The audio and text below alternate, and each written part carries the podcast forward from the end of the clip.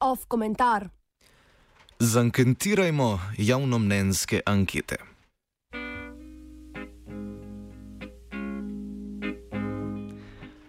Javnomnenjske ankete. Ah, ta neizogibni, stalni, neobhodni del vsakršnih volitev in referendumov. Kukajo iz vsakega časopisa, spletne strani televizije, nenehno posodobljene. Celotne strani so posvečene primerjanju javnomnenjskih raziskav različnih medijev in agencij. No, Jaz imam na voljo en predlog za javno mnenjsko anketo. Prosim, ukinimo jih in z njimi vse njihove škodljive posledice, ki močno prevladajo nad pozitivnimi.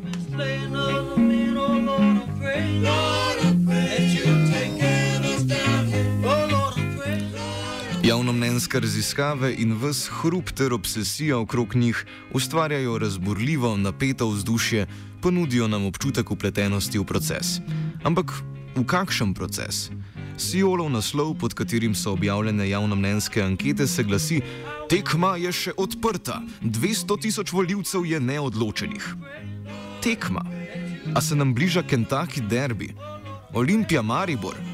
S premljevanjem anket med komentatorji in voljivci se ustvarja vtis, da so volitve le še ena oblika zabave, en korak stran od resničnostnega šova in tri korake stran od resnega premljevanja, kdo bo morda najbolje poskrbel za interese voljivcev.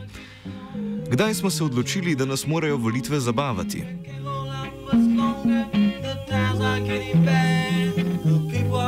Ankete seveda niso edini krivec tega, da kampanja deluje kot neposrečena farsa. Nezabavna, pa vendar tudi neinformativna. So pa javnomnenjske ankete velik del celotne filozofije medijev, ki so se odločili, da je treba voljivce zabavati, jim bingljati z anketami, z kdo ta teden vodi, pred nosom, kot da so dojenčki na dolgi poti na morje ker se očitno voljivcev ne da prepričati v spremljanje dejansko informativnih delov poročanja o strankah brez anket, da je prihodnost zdravstvenega sistema pomembna, ker pač je, ker pač vpliva na našo prihodnost.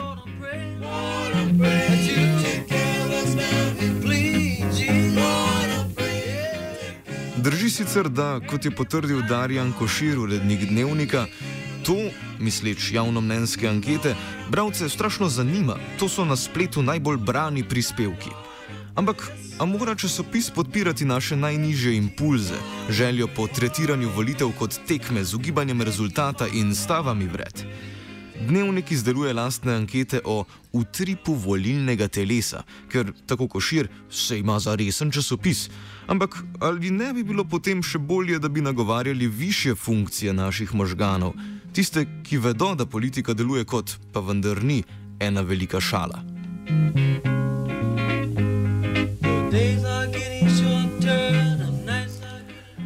Časopisi se morda še lahko izognejo pretirani dodelitvi odgovornosti, trdeč, da imajo mnogo strani in da lahko bralec vedno preskoči anketo, jo ošvrkne in da lahko poleg tega prebere mnogo člankov in analiz stališč in programov strank.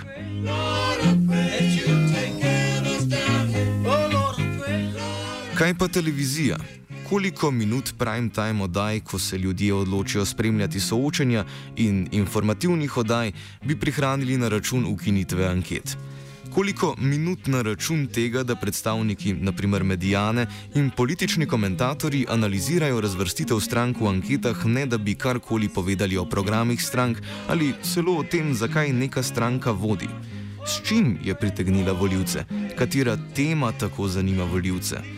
Koliko minut bi si prihranili na račun poslušanja soočen, kjer se stranke hvalijo z rezultati ali pa citirajo raziskave, ki jih postavljajo na više mesto kot anketa, ki jo je uporabila dotična televizija. Da ne omenjam, koliko mojih živcev bi bilo v boljšem stanju, če mi ne bi bilo treba poslušati tega pritoževanja in smihanja politikov, medtem ko se poskušam zbrati in razumeti, kaj mislijo o razporeditvi družbenega bogatstva. O, povsem razumem, zakaj imajo politiki radi javnomnenjske raziskave. Če nimajo kaj zapovedati, lahko vedno govorijo o anketah.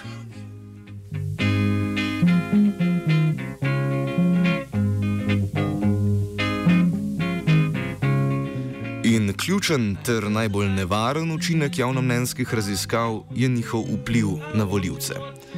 Ali ankete merijo javno mnenje ali ga ustvarjajo? Če pobaramo koširja o tem vprašanju, začnemo z merjanjem javnega mnenja. Ne zanikam pa, da nam je nekje v procesu igrača ušla iz rok. Ampak to pa ni naša krivda. Če so volitve dojete v smislu igre, potem ni čudno, da nihče ne želi staviti, pardon, glasovati za luzerje.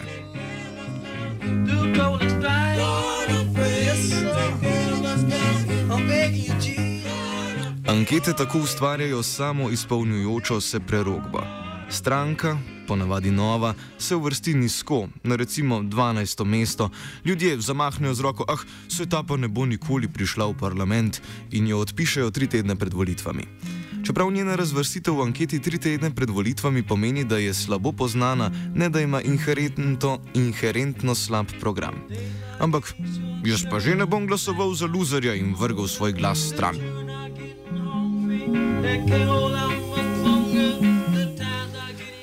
Ankete tako olajšajo odločitev voljivcev. Namesto da bi izbral na podlagi programa ali pa vsaj stališč, ki jih je slišal na televiziji, izbere na podlagi trenutne popularnosti in prepoznavnosti strank. Odreče se demokratični pravici, da izbere na podlagi svojih stališč in se slepo preda mnenju množice, namesto da bi oblikoval mnenje na volitvah samih.